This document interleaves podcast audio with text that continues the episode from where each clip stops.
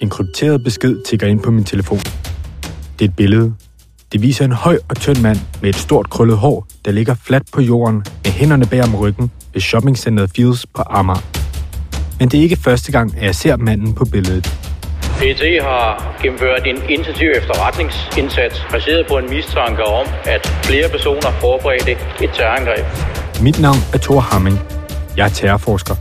Jeg har brugt de sidste par år på at undersøge et netværk, der udadtil til synlædende fremstår som en fredelig gruppe af unge mænd, der blot vil forkynde deres religion. Et netværk, der kalder sig Team Dava. Men ifølge kilder ændrer tonen sig radikalt, når dørene lukkes, og de er alene. Det jeg sådan set gerne vil vise dig på det her billede, det er, hvis du kigger ned i højre hjørne. Du kan kun lige se hans, hans hoved og hans overkrop. Jeg ved godt, det er svært, men, men det er jo ham. Det er jo, det er jo, det er jo en krølhåret. Men har vi noget, altså noget, der mere konkret kan binde ham til Team Dawa? Det her billede for eksempel, der har han jo smidt militærvesten og har trukket en Team Dava t-shirt over hovedet. Det er ting, jeg er sikker på. Det er nogle folk, som støtter Daesh. Der var i hvert fald 4-5 stykker minimum. De her ekstreme holdninger, hvis du vil vide, hvad det er, altså det er sådan noget ISIS. Hør hele historien i Ekstrabladets podcastserie Homegrown.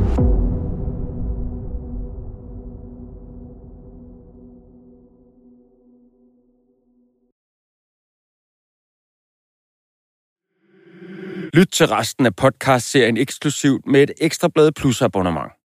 Med det får du også adgang til et hav af andre fede podcasts. Kom i gang på ekstrabladet.dk-podcast.